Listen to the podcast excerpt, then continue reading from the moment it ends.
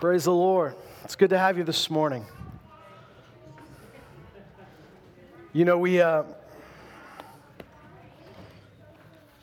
I'm thankful for Tia sharing that today. Um, never want to give the enemy too much credit. He's a, he's a liar. But because he's a liar, you have to be aware of those lies, yeah? So if you weren't here on Wednesday, you, it, it may help to know the context. We were talking from Revelation chapter 12, where it talks about this dragon who is the accuser of the brethren being overcome by the blood of the Lamb and the word of their testimony, and they did not love their lives even when faced with death. So he's saying they overcame him. We know that Jesus overcame him, but in that scripture, it's talking about the, the, the, believers that overcame the accuser. In fact, in that verse, it says the accuser, who is called Satan and the devil. So the word devil is, is it comes from the word that, that means the, the accuser, the slanderer. The word Satan comes from the uh, Hebrew word which means the adversary, the one who opposes you, who is against you. And he says, they overcame him. The same serpent that was in the garden is the dragon in Revelation. They overcame him by the blood of the Lamb and the word of their testimony, and they loved not their lives even when faced with death. So it makes sense that there would be an attempt to keep believers from believing that. It would make sense that there are times where, and, and, and like I said, thank God we have the Holy Spirit within us. Thank God we, ha- we can choose what voices we listen to. Uh, but, you know, it would make sense that there'd be an attempt to keep you out of a, a service when that's the very thing you need to hear. Uh, when that's the very thing you need to hear, um, I, I, would imagine the, the best move on, on, if I was on the other side, the best move would be to keep you out from, in the first place. And we've all felt that at times a, a, resistance to, to where God is pulling us. Sometimes that resistance is our own, like Tia said, like our own flesh, just our own pride or our own stubbornness or our own uh, sense of unworthiness. Um, and other times it, it is a direct attack. And, and I want you to be aware of that. Uh, we should be aware as believers, as saints, that uh, we have one Lord. And it's not us. We're, you know, we have one king, and, and we don't serve the world. We don't serve the little g God of this world. We serve the King of kings and Lord of lords. Uh, uh, nevertheless, he's given you the choice to obey or disobey, to, to run or to press. And, and I thank God that, that you've chosen, hopefully, the, the good thing. And, and, and we're going to get into that today. Last week, um, I felt impressed to read you a section of scripture from the book of Isaiah. Um, and, and we just kind of spent two minutes on it and moved on. But I, I really prayed about it, and I think that we should spend a little bit more time. So I'm going to repeat some things we said last week just at the, during the offering time. And um, I want you to take it in and I want you to process it. And I want you to let God speak to you through this uh, because we've all, whether you're in a season of, of things are really good right now, or you're in a season where you're having to press and having to push. Uh, either way, you need the same grace. Either way, you need the same power of the Holy Spirit. There is a lie that says, I need the vine when I'm starving, right? Uh, which would be a bad way to live, a, a, a not a smart way to live. Uh, it's, it's like I've said before if, if you're a scuba diver, you put the oxygen tank on, you put the mask on. You don't wait until you're about to die of oxygen deprivation before you take another breath. You just keep breathing, right? So, abiding in the vine is not when I'm at my last resort, when I'm pressed to the limit, when I'm having a real tough time, then I lean on Jesus, then I draw from Him. No, it, it is a lifestyle. It is, it is a steady flow of always abiding, always depending. I've heard someone say this that we don't need Him anymore today than I needed Him yesterday because my need for Him is 100% absolute all the time. Now, I may be aware more than I was yesterday of my need for him, but there's never a time in my life where I didn't need him 100% absolutely. Our need for him is, is, is the way we're meant to live. We're meant to live in that place. And so, um, whether or not you came today and you're like, this is just the best season of my life, praise the Lord. Or whether you said, this is a season where I'm really having to depend on His grace, I'm really having to, to, to know, uh, you know, uh, I'm really having to trust in a time where it's, it's, a, it's a bit of a struggle. Either way, it's the same secret to both of them, Paul said. You know, we often talk about the fact that he knew the secret of living with scarcity, but do you know he also said, I know the secret of living with abundance? There, there's the same secret. I can do all things through Christ who gives me strength. Too many people think that that's just for when things are rough, right? But it's the same trap when things are good that you would not rely on the strength of, of Jesus, that you would not find him in that place. I, I think the great secret that Paul found is to, in every situation, to find Christ, in every situation, to find Jesus, to, to, to abide in that vine in every situation, whether you're at Disneyland, on the way to Mexico, or you're in Mexico. You know, I, I, use that example because I've had friends that have gone down and ministered in, in, certain places, for instance, in Mexico, and they stop at Disneyland on the way or they stop at Disneyland on the way back. And it's a tough disconnect because they've been in a place where people didn't have much of anything. And then they come back to a place of sort of North American excess and they have a struggle adjusting to that. Well, either way, you have to know the secret of how to abide in Christ, whether things are seemingly well or seemingly terrible. Either way, it's the same vine that we access. Amen? So I, I want us to turn to Isaiah 61. And of course, this, this chapter is so well known and beloved because this is uh, speaking of Jesus, and it, it is the chapter that Jesus read from when he preached that message in his own hometown. It is that Luke 4 message where he announced his mission. He announced what the Spirit of the Lord had anointed him to do. And I know I've said this, uh, but too many times we, in our particular corner of Christianity, uh, have used the word and, the, and the, the idea of the anointing as sort of a cool feeling as sort of um, a sense of something, uh, something that gives me goosebumps. But you know, the anointing of the Holy Spirit is the presence, the empowerment, the power of the Holy Spirit, and it, it has always has a purpose. Amen. It's not just to feel cool. It's not just, wow, that service was amazing. There's a purpose behind the anointing of the Holy Spirit. So that's why Jesus said, The Spirit of the Lord has anointed me to do this. And he's quoting from Isaiah 61, and here's what it says The Spirit of the Lord God is upon me, because the Lord, or literally in the Hebrew, Yahweh, has anointed me to bring good news to the afflicted. He has sent me to bind up the brokenhearted to proclaim liberty to captives and freedom to prisoners. It's an amazing thing that God would give a word to a prophet, that God would give the word ultimately to the Messiah that would bind up broken hearts.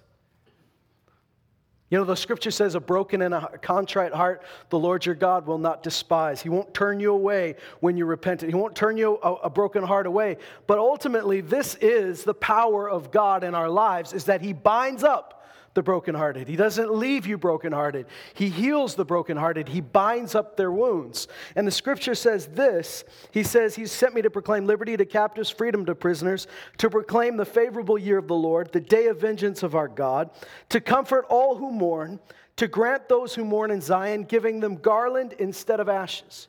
I know we said this last week, but those ashes were a symbol of mourning a symbol. Uh, you would put these ashes on you when you were in deep mourning, whether it was uh, about something terrible that had happened, a death or, or something like that, or you're putting them on you because you're mourning your own sin. They, in a time of deep repentance, you would see the people put ashes on them.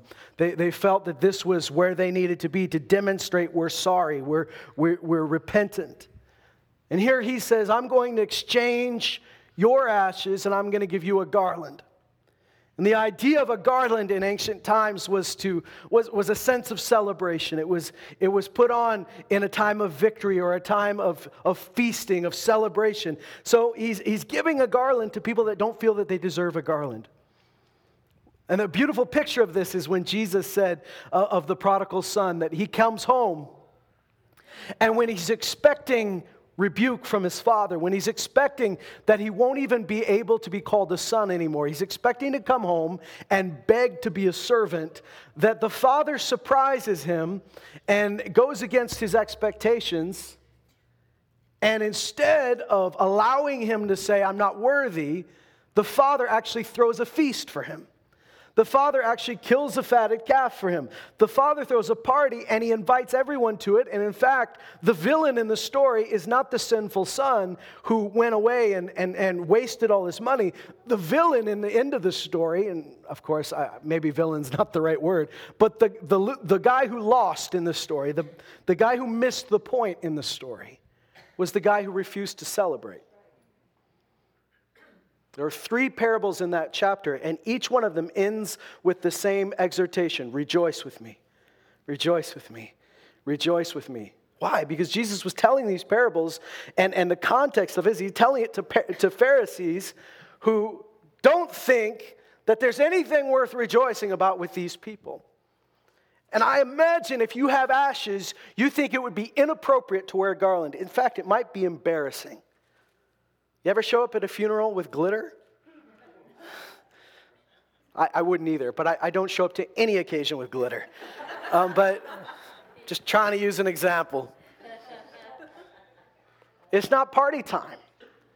You might, you might feel in a time of your life that you've really hit a low, that that's not the time to celebrate. This is the time to show I'm really sorry. But, but here he says, I'm going to exchange your ashes I'm going to give you a reason to wear garland. I'm going to give you this garland. He says, I'm going to give you the oil of gladness. And in the scripture, we know the oil is representative of the anointing of the Holy Spirit. I'm going to give you the, the oil of gladness instead of mourning. Of course, the Psalms talk about this, and it's quoted in the book of Hebrews that Jesus was anointed with the oil of gladness above his brethren. See, too many times we think gladness is a reaction to what's going on. Gladness, do I feel glad? Well, based on what's happening, I don't feel glad. Or based on what is happening, absolutely I feel glad. But he says that Jesus was glad not because people treated him nice. He wasn't glad because the, the politics of, his, of, of, of, his, of Judea were just going swimmingly at the time. He was glad because the Holy Spirit gave him gladness. And I believe, and we've talked about this, the difference of drawing from the well of your own flesh and drawing from the well of the Spirit. That's a choice you make. And the fruit of the flesh is evident, and the fruit of the Spirit is evident. You can choose what you're drawing from, and I want you to know that in every situation, there is an anointing, there is a gift of gladness from the Holy Spirit in a time where it says it's a time of mourning. Instead, you have the oil of gladness. The mantle of praise instead of a spirit of fainting. I, I, I, believe this is a really accurate translation of the original Hebrew. I know the King James says a spirit of heaviness, but there is this implication in the original that, that it is a spirit of fainting. It is that point where you feel like you can't go on anymore. We've all been there. We've all been in that place where there has been a spirit of fainting. And I want to make this clear. Sometimes we say a spirit of something and we think that's an evil spirit. No, no, no when he says a spirit of fainting, this is your own spirit. This is what's going on in you. You're at the edge. You're pressed to the limit. You feel like I, I can't go any further. You know, the scripture in the New Testament says, Let us not grow weary in well doing, for we will reap a harvest in due season, due season, if we faint not, if we don't quit, if we don't give up. So the harvest is dependent on you not giving up. We sometimes think the harvest is fully dependent on whether God wills it or not. But he says here, no, no, no. The harvest is dependent on whether or not you will keep going when you feel like giving up. Well, I mean, listen, I've found out that the strongest people still give up, and the weakest people still can hold fast. Because the, the trick is not to find the people who have just had a really good upbringing. The, the trick is not to find the strongest folks in your church. The trick is not to find the people with the best, you know, and most well developed willpower, because that's the flesh. That's still you. That's still your strength. And I'm telling you, and I believe it fully, that you will be pressed, as Paul was, beyond your strength. You will be pressed beyond your strength. Doesn't matter how strong you are. You know, Paul said, if anybody could boast in the flesh, it would be me. And I think if there was any human being who outside of the Spirit had, had some strength of character, it would be a guy like Paul. Before he met Jesus, he was a pretty strong willed fellow. Right? He was the only guy, I mean, he did, it was a terrible thing. He was persecuting the church. But that's how zealous he was about his own convictions. So when he came to Jesus, he could still, if he wanted to, rely on that own strength of character, that own, I'll stick through anything. You can't beat me down. I'm a tough guy. I, I mean, you, you can put me in prison. You can beat me. And, and, and that could get you a certain way. But he says, when he writes to the Corinthians, we were pressed beyond our strength. And he said, we had the sentence of death within ourselves. You know, there was plenty of times that Paul had the sentence of death placed on him by other people. And he just said, Well, you know, like in the book of Philippians, he's, he's almost seems like he's deciding whether he's going to stay or go. And he says, Well, I know this will turn out for my deliverance because of your prayers and the provision of the Holy Spirit. But this time, it wasn't just a sentence of death put on him by other people. He said, I had it within myself. Now, that's a, that's a different level.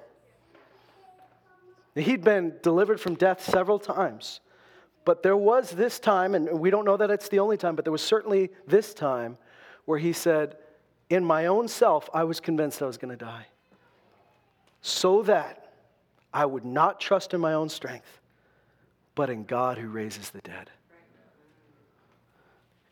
We were pressed beyond our strength. You will be pressed beyond your strength. So it, would be good now, a, even if it's in a time of peace right now, that's the best time for you to decide I will not rely on my own strength. I will rely on his strength. And here he says, when there's a spirit of fainting, when there's just that sense of I, I can't do this, we, we can't go further. We, I quoted this last week, but there, you know, the prophets in more than one place talk about a sense of uh, of, of, they compare themselves to a woman in labor who's been in labor and has no strength to bring the baby. I can't imagine a more terrible thing than being stuck in labor and having no strength to deliver. And you know, as well as I do, that if that's the case before modern medicine, if you could not bring that baby out by a certain time, that baby's not going to survive. And they're saying to God, and God's saying to them, we're like pregnant, we're not, we're like a pregnant woman who's been stuck in labor and there's no strength to deliver. In another place, God said, I would not bring you to the point of labor without bringing to delivery. And here he says, I'm going to, listen, there's, there's not just a, I'm going to relieve your spirit of fainting. No, I'm going to give you something in place of it. I'm going to give you a mantle of praise. We have, we've, we've got it developed in our minds that praise is more work. I'm already tired. I'm already exhausted. Do I have to praise too? But, but that's the very thing that would give you strength. So many people say, I'm too busy to pray. You're too busy not to pray. But it's like saying, I'm too tired to sleep. And this is what we're saying. Oh, no, I can't. Oh, you know, I come home from work, I'm exhausted. And, you know, I have to spend time with the kids, and I got to, like, talk to my wife, and she's got a thousand things to talk about. And I just, you know, I just don't have the time. Well, you don't, you can't do that without praising.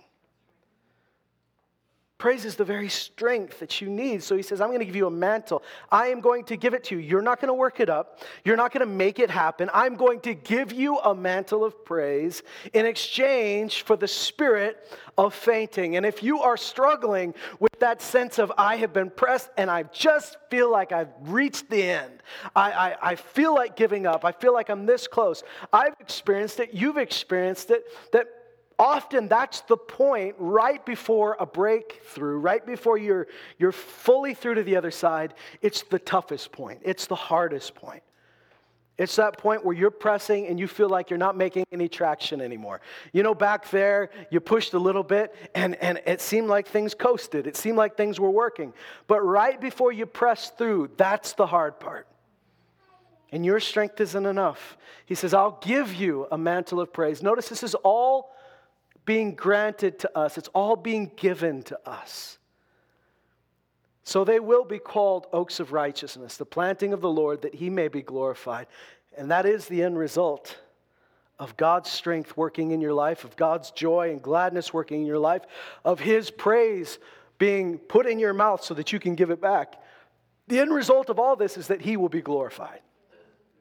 In verse 4, then, then, so that had to happen so that this could happen. Then they will rebuild the ancient ruins.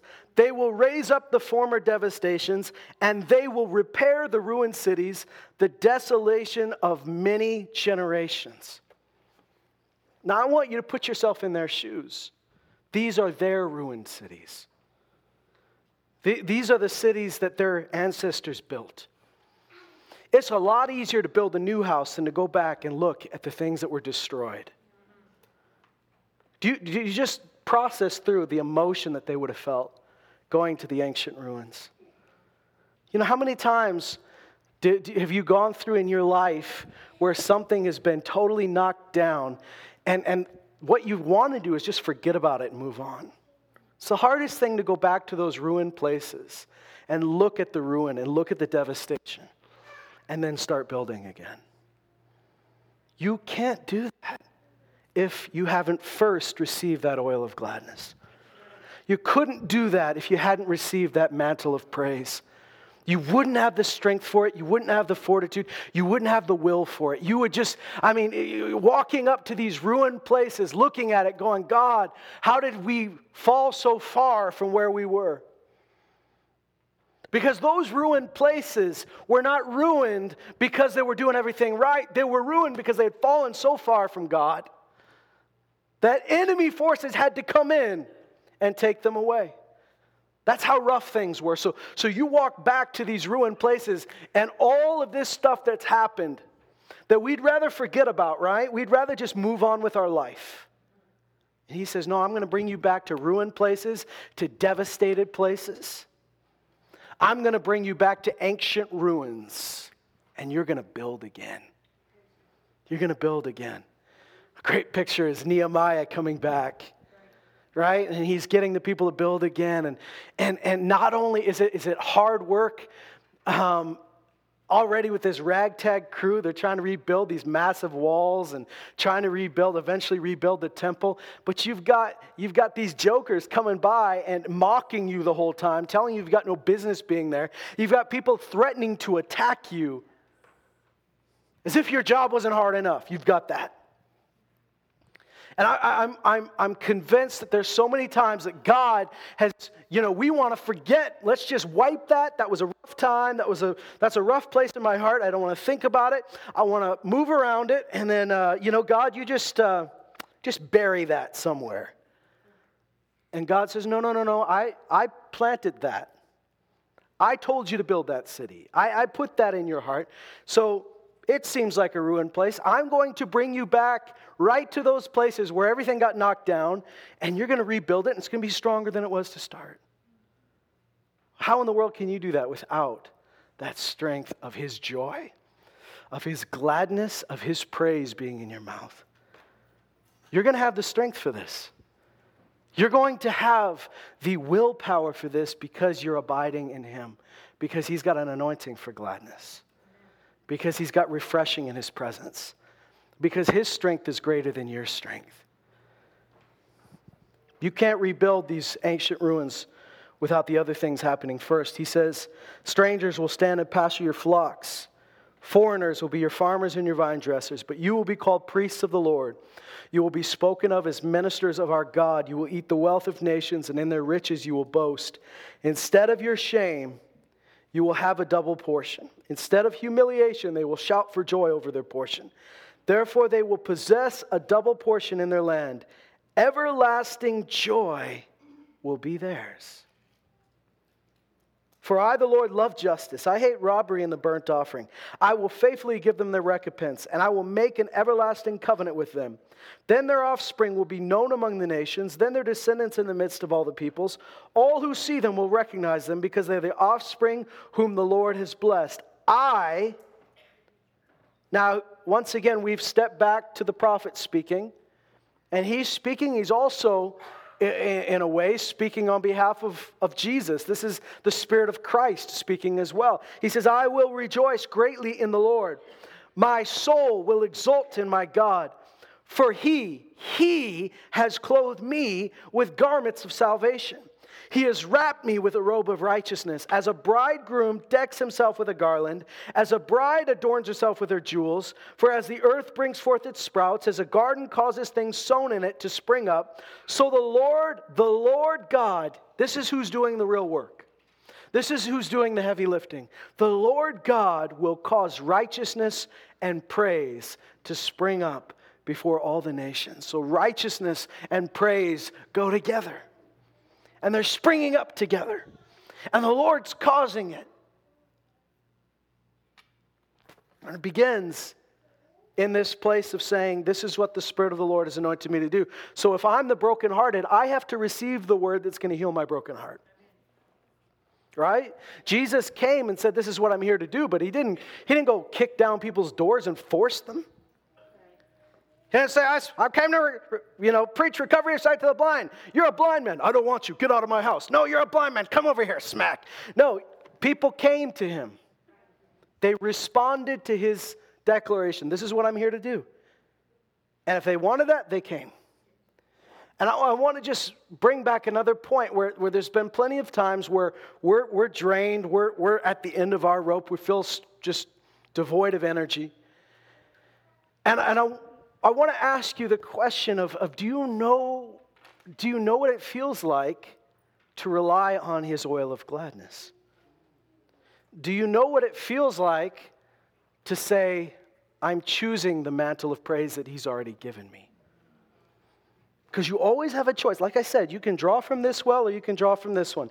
This well is a dirty cistern that only holds a certain amount of water. This is a spring of life that never dries. And every moment in life, we have a choice what we're drawing from. Am I drawing from my own reservoir? Am I drawing from the Spirit of God? Am I relying on Him? Am I looking to Him for my life? Am I looking to Him for my strength? Am I looking to Him for my joy? Am I looking to Him for, for my answers? Am I looking to Him for all of these things, my salvation? Because salvation belongs to God, it doesn't belong to me, it belongs to God. So am I looking to Him for salvation? I've got to choose that I'm going to draw from that. That's where the joy is. That's where the, the peace is. That's where the life is. And, and like I said, sometimes it's even easier to draw from that well when things are tough. And when things are good, we say, well, let's just draw from this one for a while. Plug this one up. Put rocks in it. Put a, put a, put a lid on top of it. Put a, a, a do not enter sign. Whatever you need to do. This is the well we should be living out of for the rest of our life. And if you're at that place of feeling at the at the end, that draining, I, want to I want to encourage you that in every situation, if we tap into this well, we'll, we'll know the heart of God. We'll, we'll, we'll be able to partake in His Spirit. For the joy set before Him, Jesus endured the cross, counting the shame as nothing for the joy set before him. How did Jesus find joy in that moment on the way to the cross? Are you sure you could say, well, he's looking forward. He loved us so much. Absolutely. He's, it's, it's joy that's coming from knowing what's going to result in his sacrifice. But I also believe that at that moment, he is being sustained by a joy that didn't just come from, from him. It's not just a joy at the future, it's a joy that's coming from the Father Himself. He is at that point being sustained by strength that He doesn't have. Right? I mean, we know the angels ministered to him in that moment, but I, I, really believe he's drawing from that. I believe that Jesus knew the secret to finding the Father's heart in every situation and drawing from that place. So, when you're standing at the ancient ruins and you're feeling the mourning of, look at all we've lost, how do you say in this moment, God is not mourning? We're mourning, but God isn't. At this moment, God is saying, I've got praise for you, I've got gladness for you. Now, the Bible tells us there is a time for mourning, but it's not this moment. Reminded of Nehemiah 8, right? In fact, let, us read it real quick. In Nehemiah chapter 8, uh, the people have been brought back from exile. They're standing in the ruins. They're standing in ruined places, and And uh, it, it, Nehemiah 7 and 8 are, are, great because it, it talks about them frantically searching for the priests again. They're trying to rebuild the priesthood, and everybody's trying to find their genealogy to find out if, they, if they're of the proper line. You know, this, this wonderful sense of we're rebuilding what we had, God's rebuilding what we had before. But then Ezra gets up and he begins to read the law. Ezra, of course, is one of the leading prophets of the time. It says in uh, Nehemiah 8 1, and all the people gathered as one man at the square, which is in front of the water gate. And they asked Ezra the scribe to bring the book of the law of Moses, which the Lord had given to Israel. Then Ezra the priest brought the law before the assembly of men. Assembly of men, women, and all who could listen with understanding on the first day of the seventh month. He read from it before the square, which was in front of the water gate from early morning until midday. That's a long service. Some of you are already getting uncomfortable at the thought of it. In the presence of men and women, those who could understand, and all the people were attentive to the book of the law. Ezra the scribe stood at a wooden podium which they had made for that purpose. And beside him stood Mattithiah, Shema, Anaiah, Uriah, Hilkiah, Maaseiah on his right hand, Pedaiah, Mishael, Malchijah, Hashum, Hashbadana, that's a name, write that down, moms. Zechariah, I mean, people are going to call him Hash for short. That's tough, buddy. Hashbadana. That sounds like something you say when the meal's Hashbadana, that's a good meal, right? Hashbadana. Tia, write that down. Zechariah and Meshullam on his left hand. Ezra opened the book in the sight of all the people, for he was standing above all the people. And when he opened it, the people stood up. Isn't that awesome? What a reverence for the word of the Lord. They built a podium just for this purpose. They said, Don't read it yet. We need to build you a podium. They all gathered. When he started to read, everybody stood up in honor. And it says, Then Ezra blessed the Lord, the great God. And all the people answered, Amen, Amen, while lifting up their hands. Then they bowed low and worshiped the Lord with their faces to the ground. Also Yeshua, Benai, Sherebiah, Yamin, Hachub, Shabbethai, Hodiah, Maaseiah, Kelita, Azariah, Yozabad, Hanan, Pelaiah, the Levites, they explained the law to the people while the people remained in their place. It was so valuable that it wasn't like a mass in Latin that nobody could understand. I mean, you understand that they hadn't been raised in Hebrew school. They, these weren't like the Jewish kids of old who were being raised in, in, in Israel and Judea, and Judah.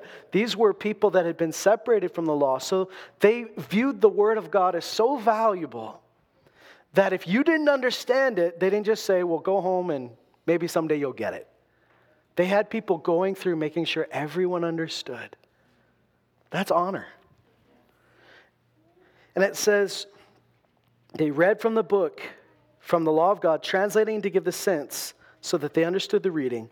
Then Nehemiah, who was the governor, and Ezra the priest and scribe, and the Levites who taught the people, said to all the people, This day is holy to the Lord your God. Do not mourn or weep. For all the people were weeping when they heard the words of the law. Why were they weeping? Because they, they realized all the times they'd failed God. They didn't know. In their own ignorance, they had not been following his law. So they're weeping. There's a sense of, oh, what have we done? And they went through, I mean, it wasn't just Ezra, it wasn't just Nehemiah. It was all the Levites went throughout the crowd saying, Stop crying, this is a holy day to the Lord. What, did they, what are they really saying? There's a time for mourning, there might be a time for tears, but it's not this day. This is a special day to God. So let's do what God wants to do. This is a day He's celebrating. This is a day you figure we should be mourning. Look at how we failed God. This is a day of celebration to God. My people are coming back to me. And He says this in verse 10, and this is probably, if you grew up in the church, you probably learned this when you were a kid. Then he said to them, Go eat, not that part, don't eat. I didn't have a memory verse that said, Go eat of the fat.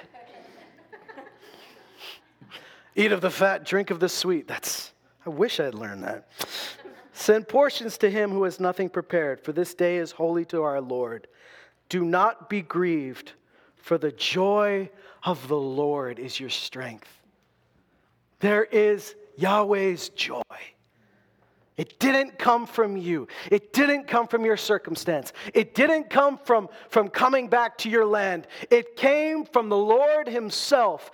This is a time where He's saying, My joy is yours. Now partake of my joy. Lean in to what I'm feeling. Lean in to, to my emotion. You say, well, does God have emotion? I thought just us weak humans had emotion. Of course, God has emotion. He's just not controlled by emotion. Of course, He has emotion. The scripture is full of God's emotion. It's just He doesn't have any false emotion, He doesn't have any wrong emotion. His emotion is completely in line with His character. So the scripture talks about him laughing, it talks about him dancing, it talks about him rejoicing, it talks about him angry. It talk I mean, he has emotion. And he says, thank God joy is not an emotion per se, but it certainly influences our emotions. The joy of the Lord my joy. Access my joy. Lean into my joy in this moment. I don't feel joyful. I feel bad. I feel mournful. Lean into me in this moment. What is the Lord saying? Don't cry. The joy of the Lord is your strength.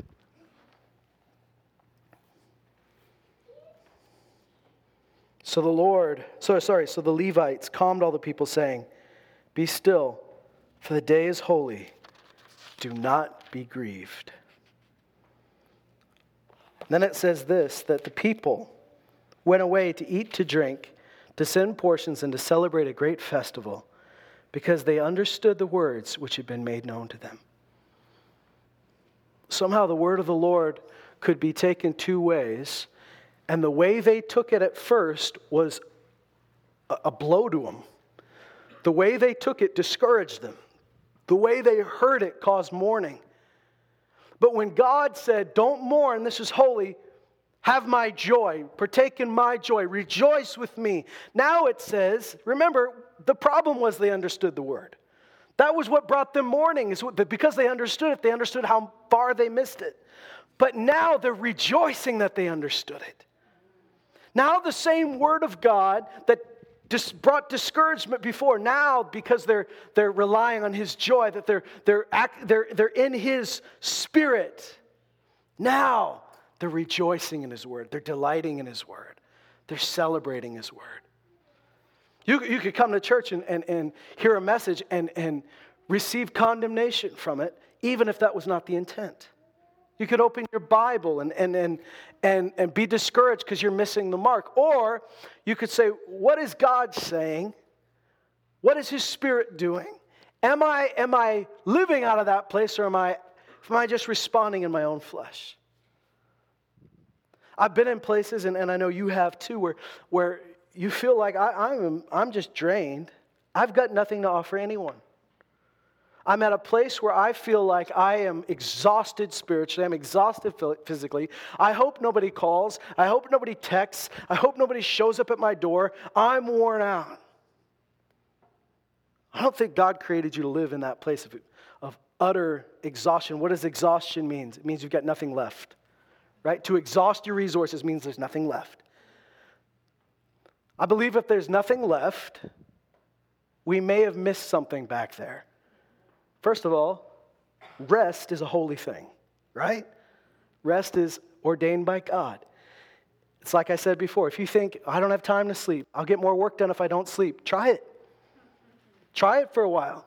Maybe for the first two days you do get more work done. Then you will get significantly less work done because you're exhausted. There's nothing left.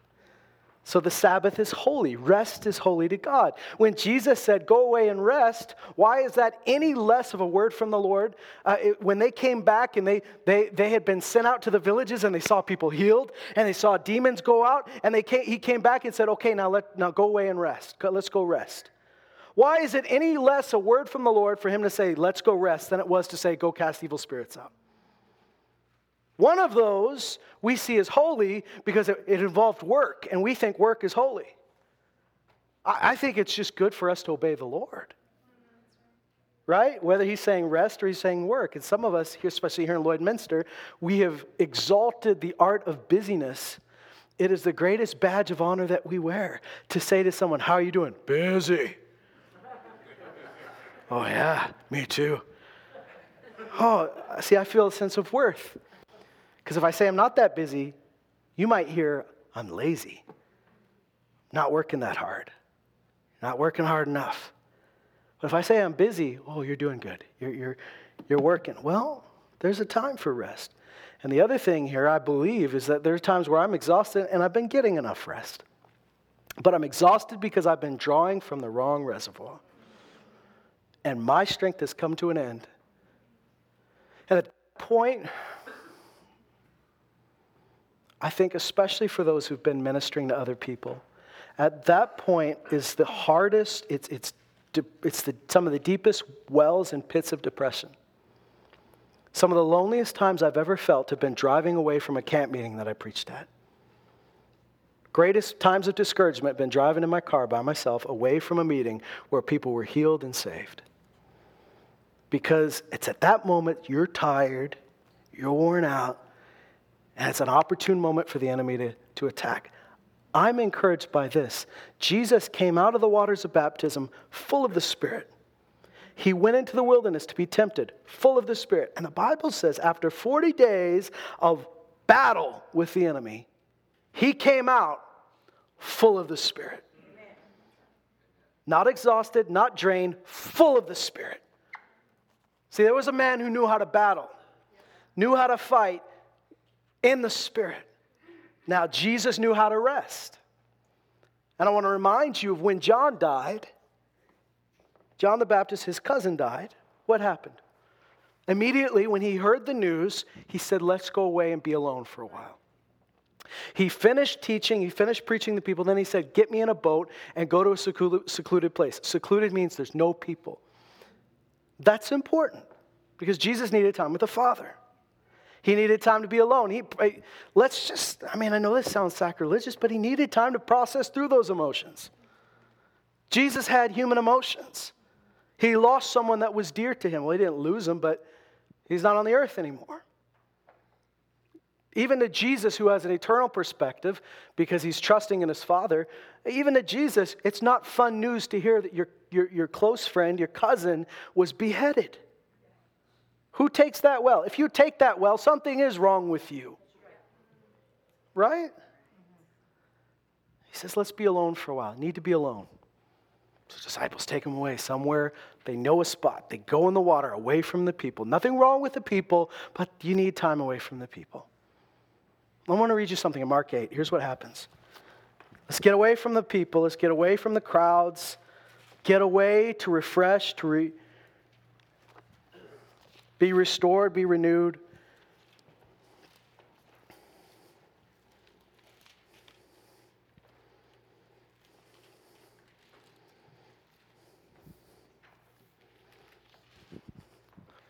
Mark 8, um, actually, Mark 8 may not be the best version of this to show, to illustrate this point, because it leaves out the part where he says he's going to be alone. Oh, I said Mark 8. I meant Mark 6. I'm in the 4,000. Mark 6 is good. Mark 6, it says in verse 30 the apostles gathered together with Jesus. They reported to him all that they had done and taught. And he said to them, Come away by yourselves to a secluded place and rest a while. The other gospels tell us what well, we find out here that just before that, he's found out that John's died. And there were people coming and going, they didn't even have time to eat. So they went away in the boat to a secluded place by themselves. But the people saw them going, and many recognized them and ran there together on foot from all the cities. Now that's eagerness, isn't it? And they got there ahead of them. And when Jesus went ashore, he saw a large crowd. And he felt compassion for them because they were like sheep without a shepherd. And he began to teach them many things. And when it was already quite late, his disciples came to him and said, This place is desolate. It's already quite late. Send them away that they may go to the surrounding countryside and villages and buy themselves something to eat. But he answered them, You give them something to eat. Of course, we know this is where he feeds the 5,000. It's a great miracle. But don't forget how they got to a secluded place. The reason they have to feed 5,000 people is because they're in a place where there's no food. The reason they're in a place where there's no food is because they were trying to get away from people. If you're trying to get away from people and you go way out into the north, way up in the forest, there's no more subways. There's no McDonald's. There's no gas stations. You're way up in the woods. But if people follow you there and you, you teach them all day, late into the night, now your problem is now you got to feed them. Jesus was, and his disciples for that matter, they were exhausted. They were done. I mean, I, I, want to use that term right. Maybe not exhausted because he always had the spirit, but they were, they were tired. They needed a break. They needed a break from people. So when he comes upon the shore, watch what it says. He says he felt compassion. We know that Greek word there that's, that's used for compassion means he felt something deep in his, in his guts, in his innermost. What's he feeling? He's feeling the Father's heart in that moment. And the Father's heart for those people that overrode his tiredness, that overrode his sorrow at his cousin's death, that overrode the disciples' exhaustion, what overrode all of that is the Father has given me compassion for these people. It's the same word that's used in Philippians when Paul, who is in one of the greatest, darkest, deepest prisons that Rome has got to offer, many scholars believe it's a sewer that's been converted into a prison. In that place, he says, He who began a good work in you will be faithful to complete it until the day of Jesus Christ. And I know I can say that about you because I have you in my heart and I long for you with the affections of Christ. That word affections is the same word here that's translated compassion. that word guts. I long for you with the guts of Christ. So when I'm in prison and I should be thinking about me, I'm thinking about you. When I'm in prison and I should be talking about, I should be the, the, the Christian Eeyore in this moment, instead, I'm talking about joy all the time. Because I am filled with something that's not coming from my circumstance, not coming from me. I'm longing for you, not with the Paul really likes you emotions. I'm not longing for you in a human sense of companionship. I'm not longing for you out of friendship. I'm not longing for you out of, you know, if I were back with you, things would be better. I'm longing for you with the feelings of Christ. When you can feel what Christ is feeling, when you can dive into the Father's heart, when you can say, I want to live out of what the Father's saying in this moment, what the Spirit is doing in this moment, when you can lean into that, there's strength. Jesus, we talked about the strength of joy, but there's, there's strength in compassion. What brings Jesus out of a place of I need to rest to a place of I can teach for a whole day? Compassion. In every situation, what's the Father's heart? What's the Holy Spirit saying? If you could lean into this, if you could lean into saying, I want to lean into your spirit, your heart, your desire, your will in this situation, then there's the strength to do it. There's the impetus to do it. How many times does it say Jesus was moved with compassion? Compassion activated him. Paul said we are controlled, compelled by the love of Christ. It, it gets us up in the morning. No sane person would keep doing what Paul kept doing without something stronger at work. If you could lean into the heart of God, lean into his joy, Lean into his compassion. Lean in to his sense of love, uh, not sense of love, his love for the people. His love for you, his love for the world, his love for your family, whatever it is, if you would lean into that and draw from that, that's a well of life. That, there's life in this. Remember when Jesus should have been hungry and the disciples came and tried to give him food? Well, the whole city of the Samaritans is coming to him and they're saying, It's way past your lunchtime, Jesus. It's time for you to eat. He says, I have food you don't know about. What does food give you? It gives you strength, it sustains you, it gives you life. You enjoy it, it gives you satisfaction. Jesus says, I'm, and it doesn't mean he never has to eat again.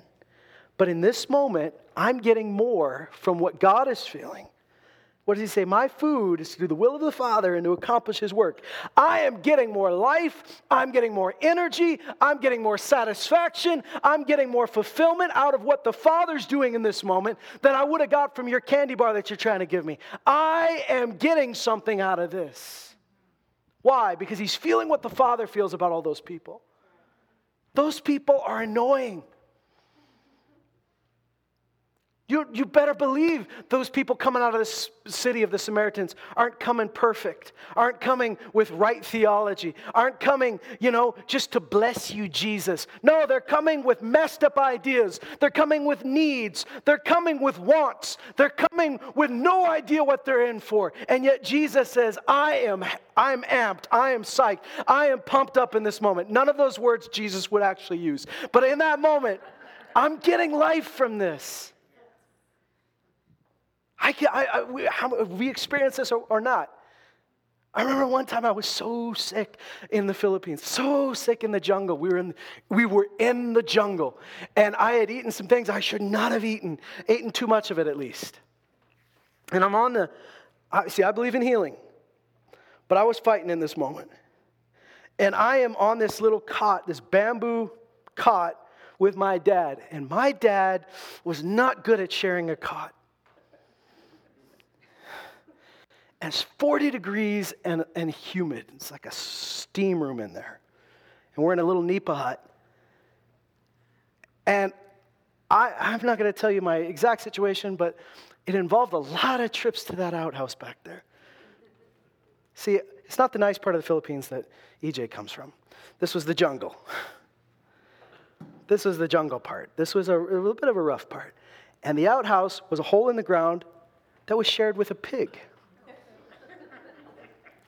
You ever try to go to the bathroom with a pig watching you? well, you figure out a way when you got to go. It's also your shower. Did I tell you that?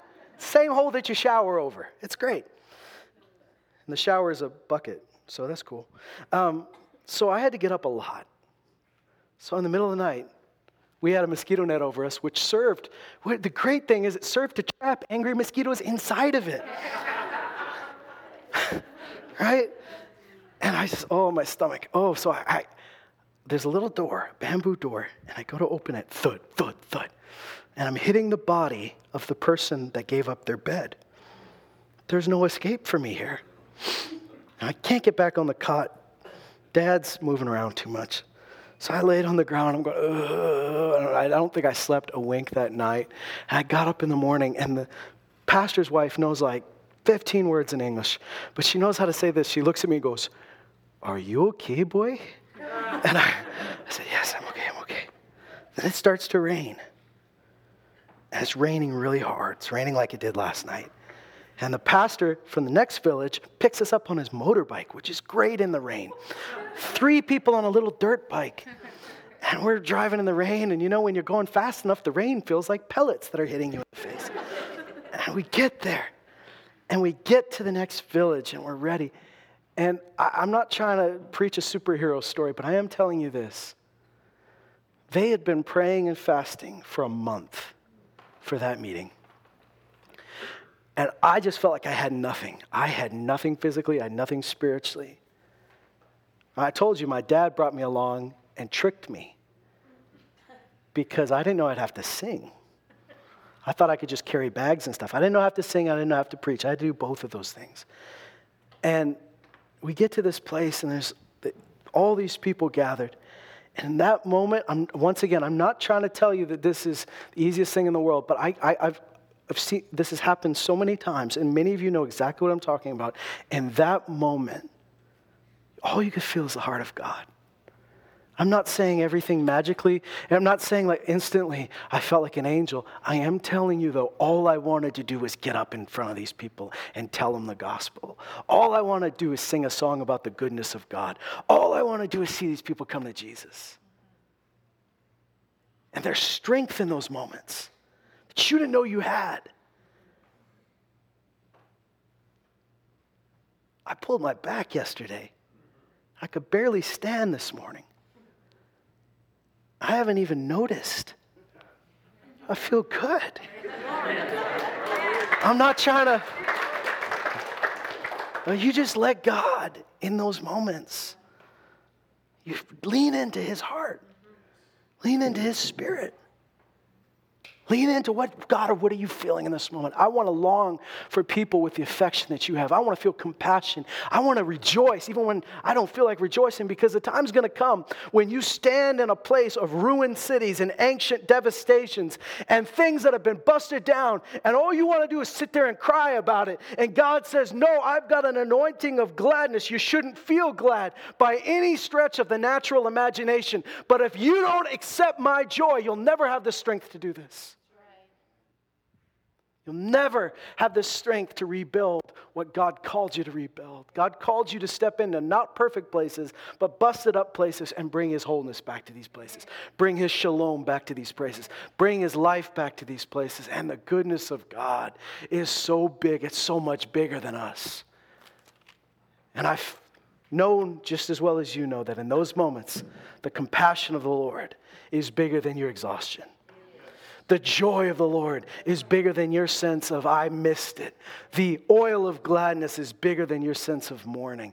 The life of God is greater than any of the works of death that the world is suffering under.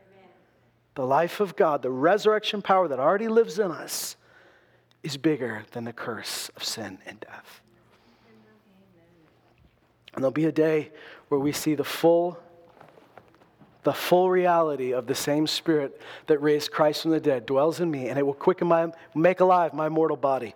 There will be a day when I'm resurrected, and I know that I, I will experience that verse in all its fullness, but I believe even now the resurrection life of God dwells in you. I'm looking forward to the resurrection to come, but that power is still within us. Lean in. Lean in to what God is feeling. And I know that sounds odd. You know, we're just like, I, we're Christians. We shouldn't be led by our feelings. I didn't say be led by your feelings. Lean into what God is saying. Lean into what God is doing. It, it, can, can you feel those moments where, where, the, where Jesus says, I am more satisfied and, and fulfilled, and I'm getting so much life out of the fact that these people are coming? It's, over, it's, it's overriding my need for a meal. I'm so full of compassion for these sheep without a shepherd. It's overriding my need to mourn my cousin's death and my need to be alone for a bit. Do you know what? Can I say one more thing? Jesus still had to be alone. After he fed the 5,000, he still got alone. Don't take this as me saying you don't ever, never need time alone. Just push through, push through. Because if you don't process those things at some point, if you don't let Him heal, see, there's a difference between Him healing things. That's different than you just pushing Him aside and pushing Him aside and just keep going. There are times where you have to face and say, God, I need you to heal this place. Walk me through this. And if you don't, you pay the bill down the road somewhere.